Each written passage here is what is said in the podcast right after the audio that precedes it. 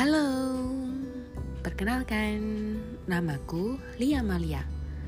Aku membuat podcast ini untuk sharing cerita Lia yang aku buat sendiri berdasarkan dari pengalaman. Bisa dari sahabat atau beberapa teman yang memberikan ide untuk alur di cerita Lia ini. Semoga ke depannya kalian bisa menikmati. Enjoy!